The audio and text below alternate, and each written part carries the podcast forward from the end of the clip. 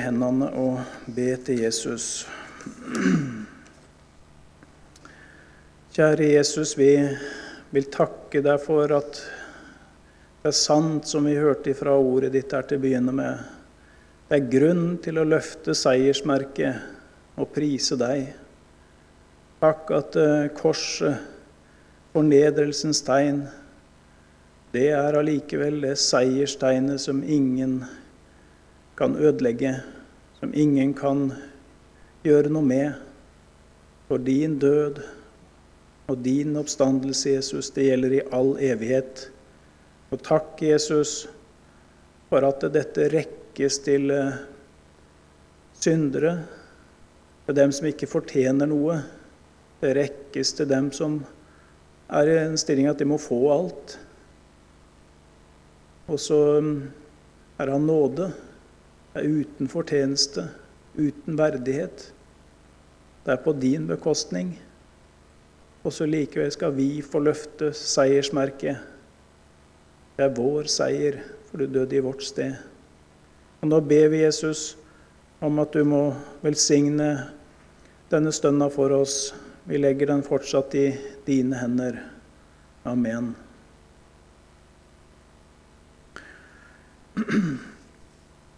Det er ehm, et avsnitt i eh, Efeserbrevet 3 som vi skal lese sammen. Efeserbrevet 3, og fra vers 14. Og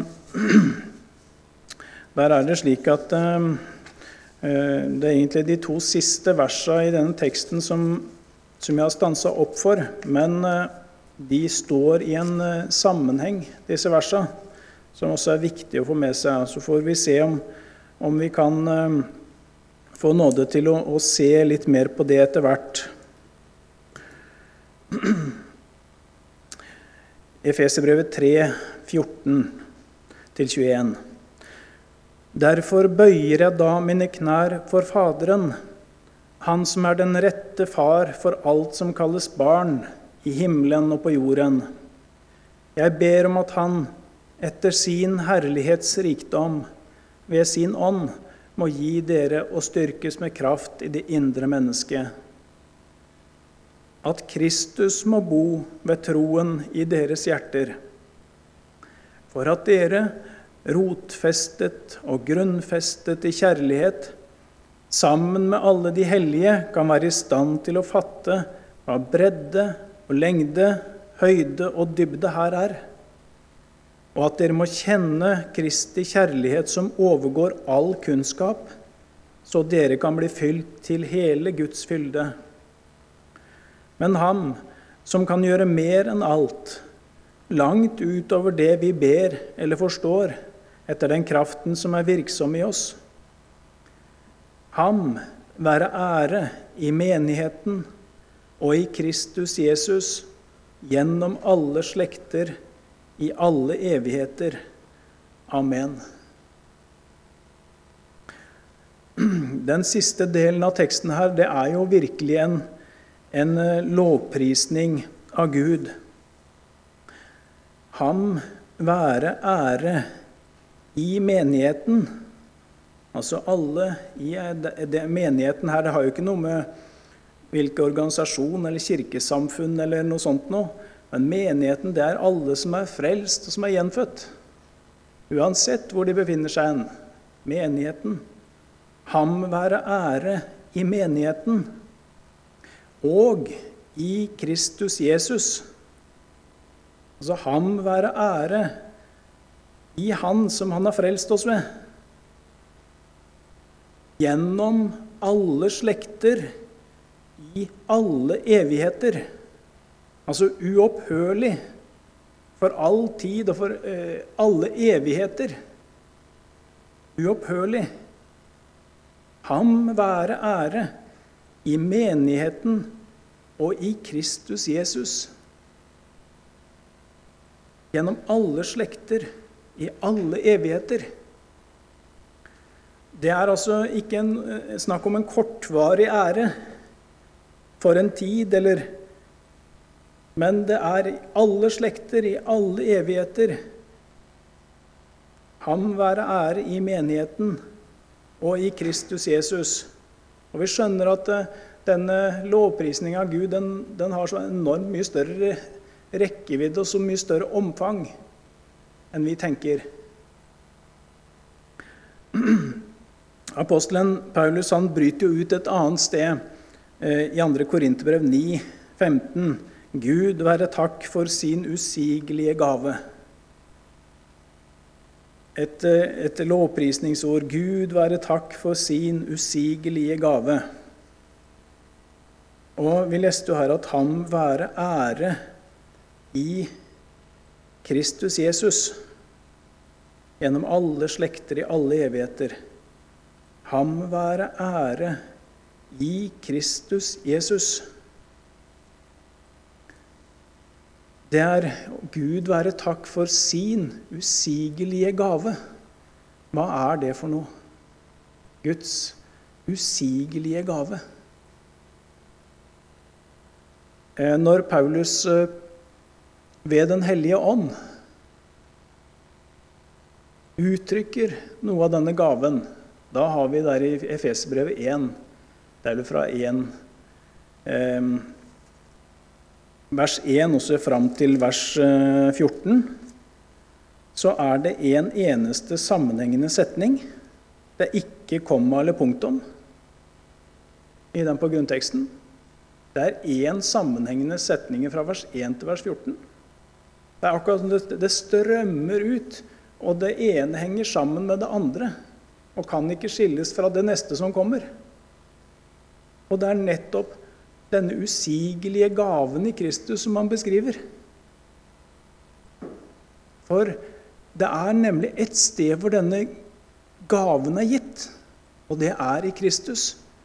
Så når Den hellige ånd driver Paulus til med ord beskrive det som egentlig ikke kan beskrives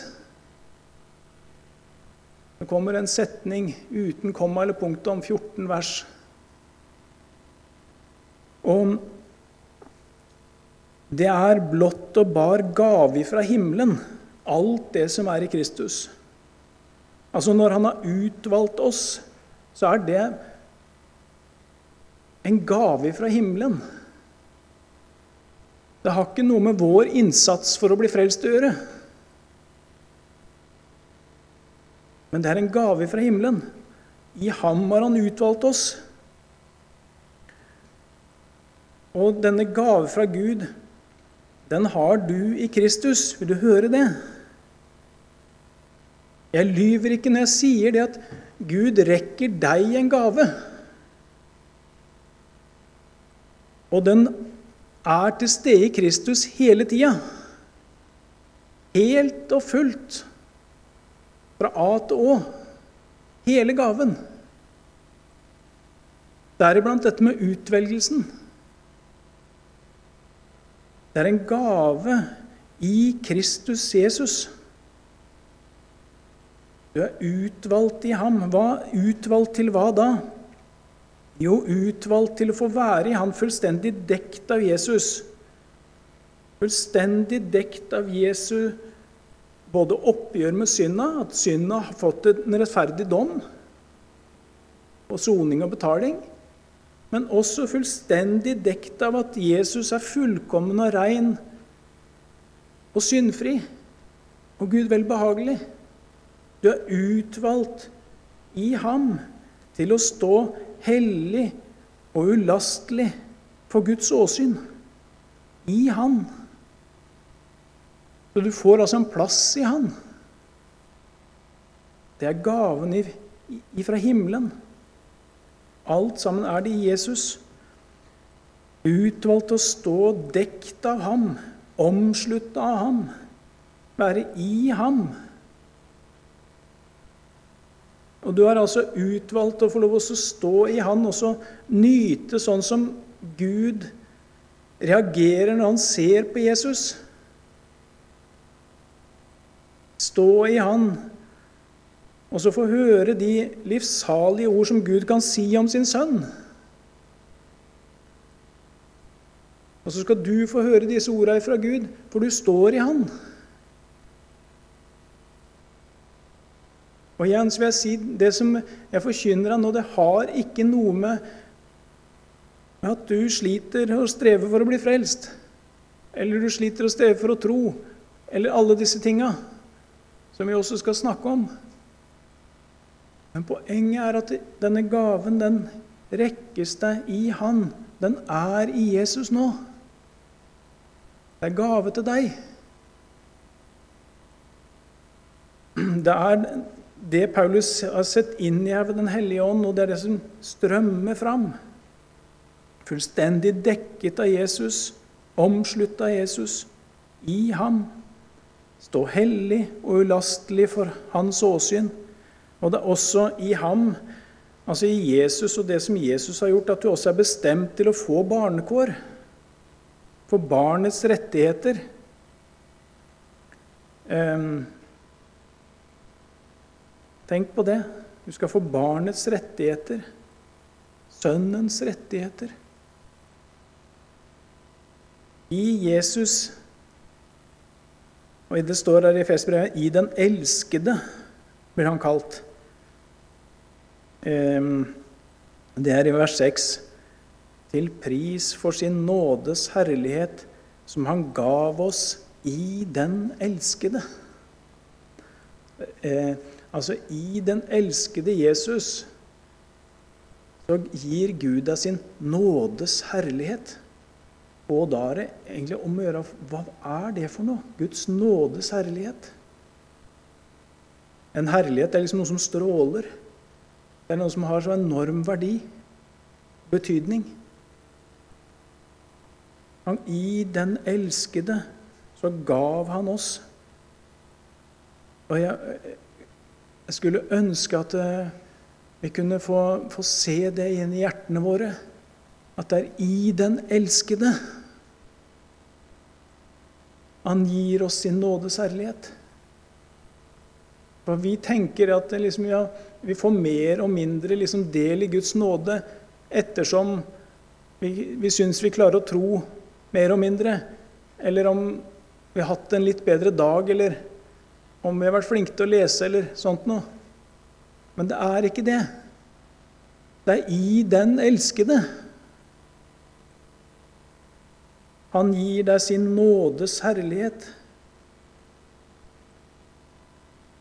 Når det blir beskrevet videre, så denne herligheten, denne nådes herligheten, den er at uh, i ham har vi forløsningen ved hans blod.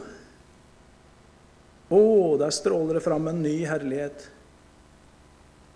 I Jesus der er altså du kjøpt fri. Frikjøpelsen eller forløsningen. Du er kjøpt fri der. I Jesus. Du kan vite nå i denne stund så har du altså din frikjøpelse i Jesus. I Han er du kjøpt fri. Og denne frikjøpelsen har du der i Han til enhver tid.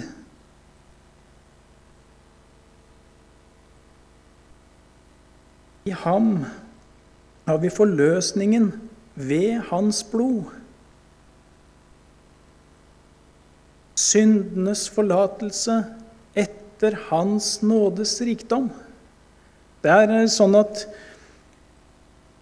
um, Guds nådes rikdom Igjen så tenker vi ofte, så ofte sånn at det, det retter seg etter eh, meg. Men det gjør ikke det. Etter hans I ham har vi syndenes forlatelse. Etter hans nådes rikdom. Altså, du har ikke syndenes forlatelse etter om at du har fått litt mer bukt med synda. Men du har det etter Hans nådes rikdom. Du har ikke syndenes forlatelse fordi at noe annet, men det er etter Hans nådes rikdom. Du må ikke spørre etter eh, din verken rikdom eller fattigdom når du, når du står der og, og, og, og, lurer på om har jeg syndenes forlatelse. Er det ikke sånn nå at jeg har sprengt alle grenser?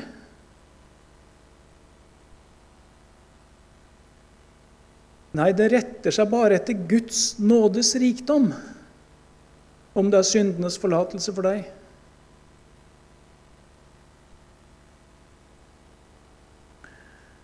Og vi, vi, skal ikke fortsette helt ut her, men videre så er det denne, denne Guds usigelige gave.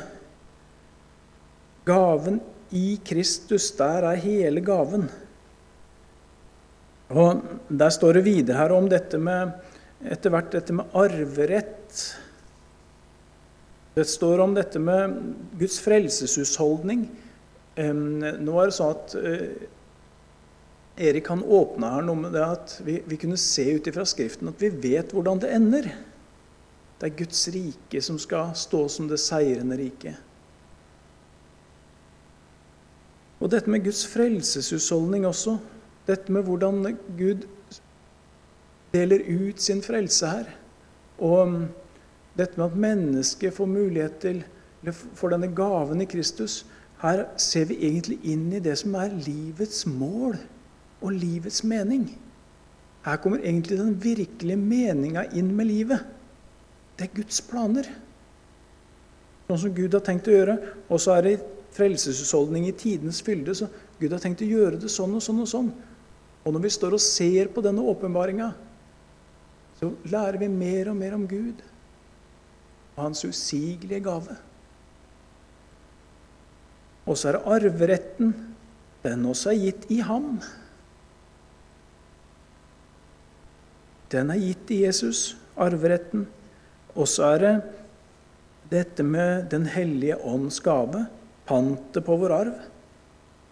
Den gaven hører også med i Kristus. Det var litt av en oppdagelse for meg første gang jeg så det. Jeg måtte ha hjelp av en annen for å se det. At dette med å få Den hellige ånd, det hører med til alt alle gavene i Kristus, like så mye som syndenes forlatelse, like så mye som dette med barnekåret, dette med utvelgelsen, men også det med Den hellige ånds gave.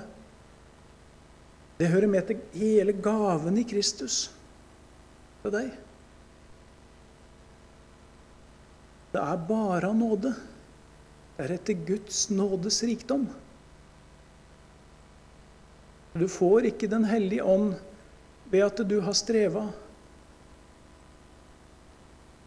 eller ved at du har et eller annet. Men det er en gave som gis deg i Kristus, sammen med alt det andre. Og så er det så rart her, for, for denne gaven det er sånn at i det samme øyeblikk som en, den minste lille gnist av tru, den minste lille tillit er vekt til Jesus, hos et menneske, så får du hele gaven. Uavkorta. Du får alle delene. Eh, altså eh, full pakke. Alt sammen. Eh, det er jo ikke sikkert vi ser så mye av det, men det er en annen sak. Vi får alt sammen. Hele gaven. Alt sammen, også Den hellige ånd. Det er av nåde.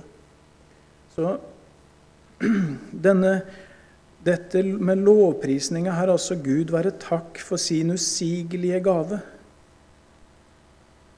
Ja, ham være ære i Kristus Jesus, gjennom alle slekter, i alle evigheter. Ja, det er stadig, et stadig lovprisningsemne i bønna her.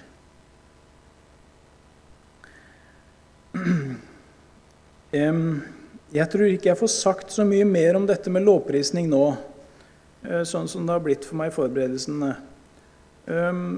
Og det var veldig godt eh, at, eh, at Erik leste denne Moses sin lovsang, eller Israelsfolkets lovsang, der vi, vi hadde kommet opp av Rødehavet. Det var veldig godt at det ble lest. For eh, det har liksom ikke åpna seg for meg videre her. Men det er én ting til som, eh, som vi må ta med.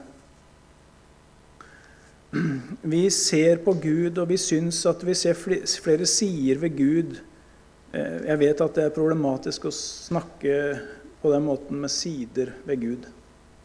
For Gud er en helhet hvor alt henger sammen. Sider ved det blir noe stykkevis. Det gjør det. Men eh, la oss bruke dette uttrykket likevel. Vi, ser, vi syns vi ser flere sider ved Gud som vi syns er over all måte prisverdig. Og det er det også.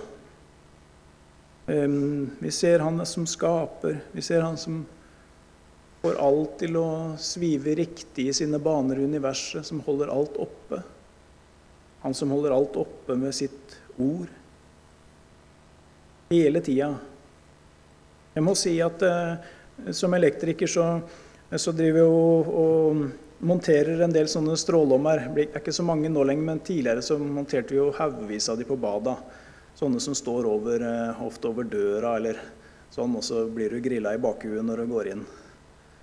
Um, du kjenner strålevarmen ifra de her er sånn. Det, jeg anbefaler heller varmekabler, men det, det, er en annen sak. Men disse strålemannene, i hvert fall så kjenner du varmen som kommer. Enten imot deg eller, eller bak. Og så er det kanskje, kanskje en 1000 watt, eller kanskje 1500 watt. Ja, Så kan du kjenne varmen litt lenger unna. Kanskje halvannen meter unna, eller noe sånt. Så jeg begynte å tenke litt på det der med at sola er så langt unna oss, egentlig. Men vi kjenner jo, sånn som nå når vi har kommet ut i, ut i mars, så kjenner vi jo sola varmer. Og så er den så langt unna. Også de største ommannene som en har vært med og, og montert, eller så, til sånne, u, sånne utearealer hvor en skal ha ommer for liksom at folk skal kunne sitte litt lenger utover om kvelden, så det, kan det være ommer med ganske mange kilowatt. Men det er jo ikke altså Kommer du, kommer du fem-seks meter unna, så kjenner du ikke noe mer. Men sola, den kjenner en så godt. Og eh, da jeg kjørte hjem i dag i, bilen, så var det så sterkt gjennom vinduet at eh, jeg hadde svart eh, T-skjorte og genser på meg, og det stekte. Så at jeg måtte ha opp vinduet. Sola kjenner vi så langt unna. Og så har jo den stått og varma sånn helt siden skapelsens morgen. Sånn har den stått og varma og varma og varma. Og så varmer den ikke sånn bare rett mot jorda, sånn som strålommen som har en reflektor som samler varmen liksom rett mot, mot uh, den som går inn på badet. Nei, sola varmer jo sånn i alle retninger. Både opp og ned og til sidene. Og, og så er det en liten del av det som mot jorda. Og sånn som vi kjenner det. Og så har Gud latt denne stå der og varme og varme og varme i 6000 år.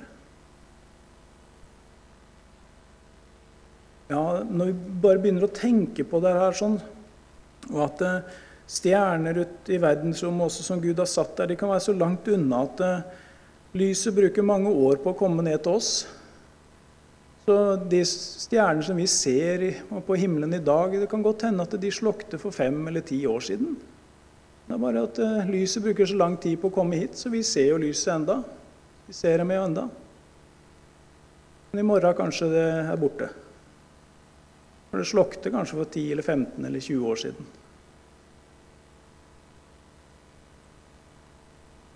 Ja, når vi ser slike ting ved Gud, så må vi si det er over all måte fint og prisverdig. Gud er uendelig som skaper, og som frelser også.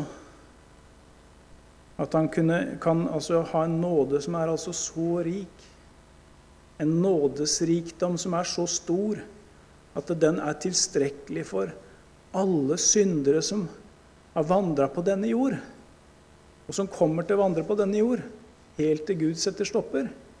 En nåde som er så rik, så stor, som har tatt høyde for så mange synder. Ja, det er en frelse som er helt ufattelig i sin dybde og i sin størrelse. Ja, så skulle vi prise Gud for det. Ja, Gud er er verd all pris for det som vi ser der. Men så er det bare det vi skal vite, det. At det er ikke bare det som vi ser og bedømmer som stort hos Gud, som er prisverdig. Jeg ble minnet om det at alt ved Gud er verdt all pris. Alt Gud gjør, er verdt lovprisning. Alt.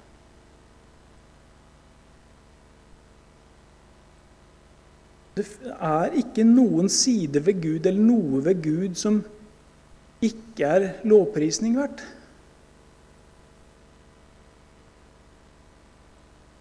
Alt han gjør, er lovprisningsgrunn. Og vi kunne egentlig også si at alt han ikke gjør, skulle vi også prise ham for. For Gud gjør det som skal gjøres. Og det gjør han fullkomment. Men han begynner aldri på ting han ikke skulle gjøre.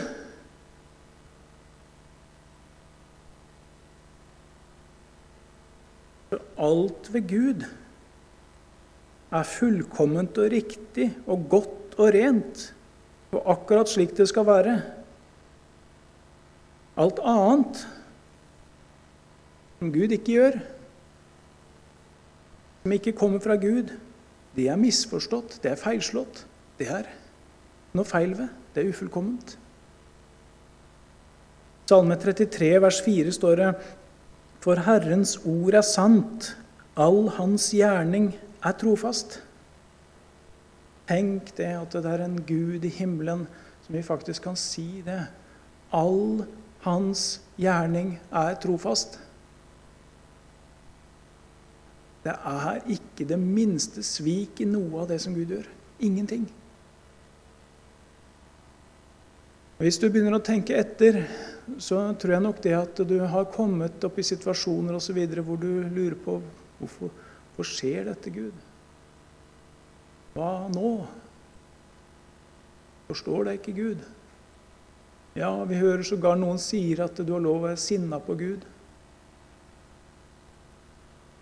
Én ting er å erkjenne det at en, et menneske, og også en kristen, kan sannelig falle i den synden og bli sinna på Gud.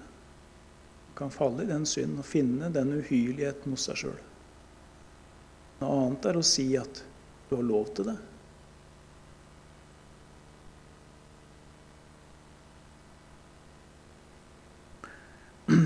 I Salme 103, vers 22, står det 'Lov Herren' alle hans gjerninger.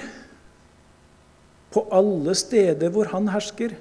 Min sjel, lov Herren. Sjel, lov Herren.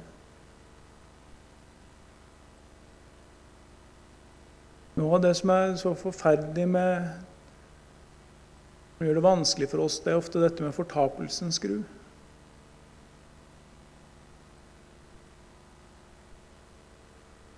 Og det er også det at vi kan være av og til redd sjøl for å havne der. Men vi er også redd for at noen av våre nære eller kjære skulle havne der. Og vi har uh, forskjellige som er lagt spesielt på oss, hver og en, som vi ber for, og som vi er i nød for at de må bli frelst. Og um, det er slik at uh, når du sitter og fryder deg over dette med Guds frelse og dette med at Gud en dag skal holde dom og sette en stopper for all ondskap og djevelen, falske profet og antikrist og alle som tilhører djevelens rike, skal kastes i ildsjøen, så kan en glede seg over at Gud skal sette en stopper for alt ondt, og at det skal komme et rike hvor alt er godt. Ikke noe synd, ikke noe sykdom, ingen som er uh, ufyselig mot hverandre på noen måte. Men det er godt å møte alle der. Og du kommer til å være til glede for alle du møter også. Men så er det et skår i gleden. Og tenk om ikke jeg har med meg den og den der.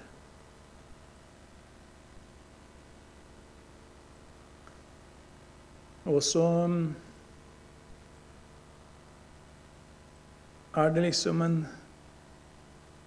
en side ved Gud Igjen så bruker jeg det er et problematisk uttrykk, men så er det liksom noe som jeg nesten ikke syns en kan snakke om. For det er eh, så veldig, og det er vondt. Men eh, jeg tror det som er farlig med det der, det er at vi da etter hvert sånn i bakhuet eller i hjertedyp eller sånn, så, så, så er det liksom noe ved Gud som ikke er så prisverdig lenger. Men da skal vi huske på det at dette med fortapelsens gru hva er det som gjør fortapelsen så forferdelig? Jo, det er det at Gud har trukket seg helt bort. Gud arbeider ikke der. Gud med sin fullkommenhet og sin godhet. Alt godt kom ut av Gud. Men Gud er ikke der. Den er skilt vekk fra han. Det er altså en tilværelse hvor Gud overhodet ikke er. Det er det frykteligste et menneske kan oppleve.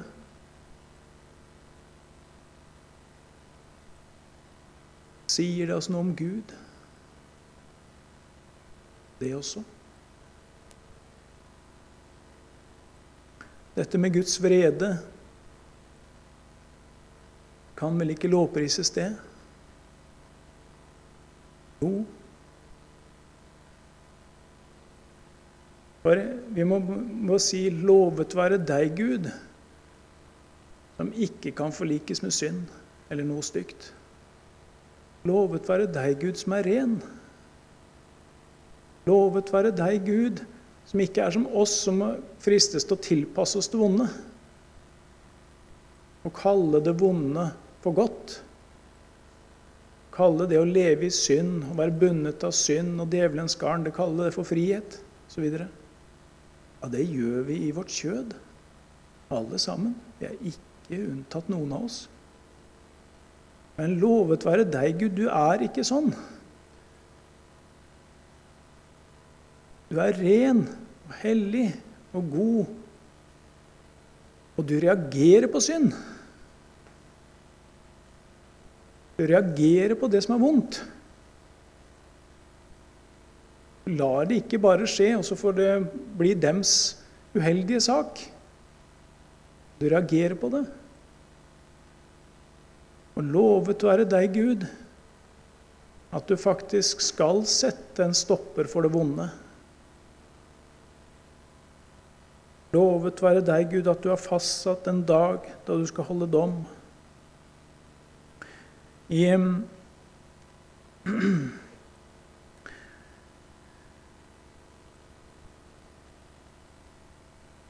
Jeg skal prøve å korte ned litt, men eh, en salme Asaf, salme 83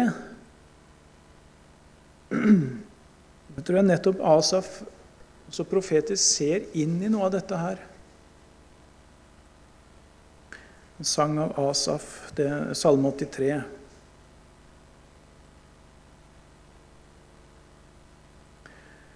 En sang, en salme av Asaf. Gud, Ti ikke. Vær ikke stille, hold deg ikke i ro, Gud. For se, dine fiender larmer, de som hater deg, løfter hodet.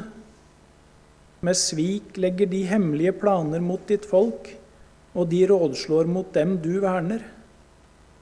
De sier, Kom, la oss utslette dem, så de ikke mer er et folk, slik at ingen lenger minnes Israels navn. For med ett hjerte rådslår de med hverandre. Mot deg inngår de pakt. Reis deg, Gud. Hva konsekvensen er av dette, disse som inngår pakt imot Gud. Konsekvensen av det er flere i fortapelsen.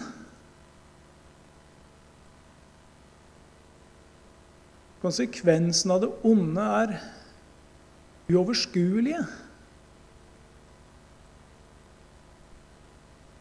Og så hopper vi helt til vers 17. La skam dekke deres ansikt, Herre, så de søker ditt navn. Ja, Vi ser Gud gjør en dobbelt gjerning her. Både i dette at han står imot det vonde, for at mennesker skal frelses og bli bevart hos Jesus og finne Jesus. Men her også dem som virkelig er imot, sånn som Paulus før sin omvendelse. La skam dekke deres ansikt, Herre, så de søker ditt navn. Og Her er det noe med det at midt i at det er forskjellige slike ting som vi kanskje bare ser Guds domshandling i, skal vi også huske på det at der er også ofte vekkelsens mulighet for mennesker. Og det har ikke vi kontroll på, men det har Gud kontroll på. La, vers 18.: La dem bli til skamme og bli forferdet til evig tid. La dem bli vanæret og gå til grunne. La dem kjenne at du alene, du som har navnet Herren, er den høyeste over all jorden. La dem kjenne det. Ja, alt ved Gud er verd lovprisning, også hans dommer. Både det som skjedde på Golgata, den dommen som skjedde på Golgata, og det var en total dom, det òg. Lovet være Gud. Det var en dom som ramma Jesus, ikke oss. Og du skal få lov å flytte inn i Han, bo i Han. Når man er ferdig med din straff. Dom. Men husk også prise Gud også for hans domshandlinger her i tida. Og også på den ytterste dag.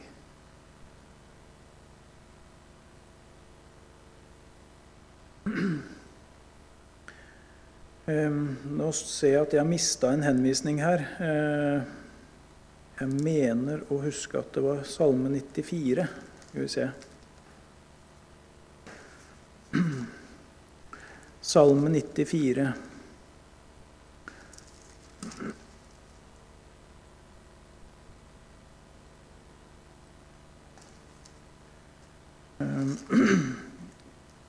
For det også var noe som, eh, som kasta lys over det for min del. Og eh, det står i vers 14, Salme 94, vers 14. For Herren skal ikke forkaste sitt folk og ikke forlate sin arv. For dommen skal vendes til rettferdighet og alle de oppriktige av hjerte skal gi den medhold.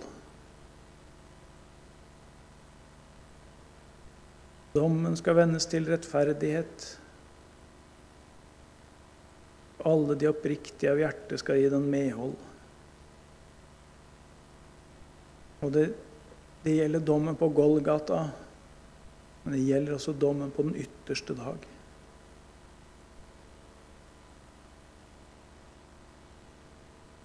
Så skal vi ikke si så mye mer om det nå. Um, og jeg tror at um,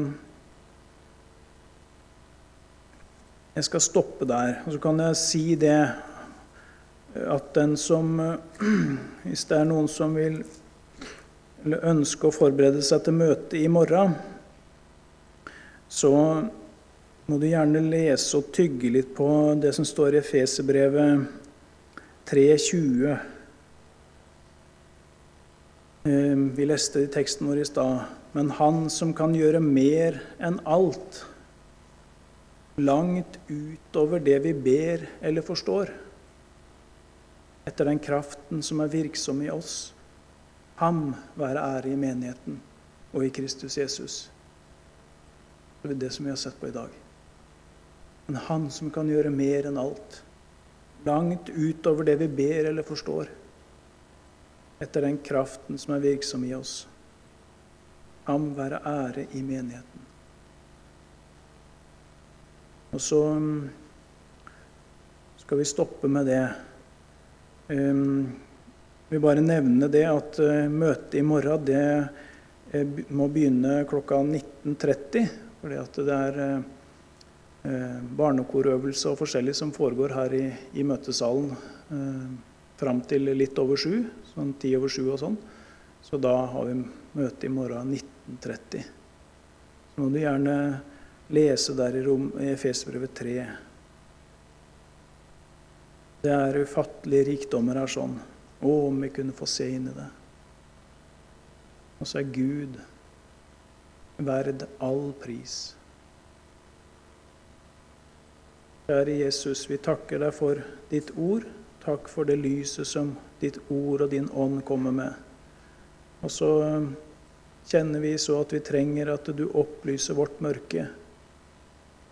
Og at vi ber om at vi kunne få se innbydelsen til deg, Jesus, og hvilken enorm gave som er gitt oss i deg. At den er der hele tida. Du velsigne både liten og stor. Amen.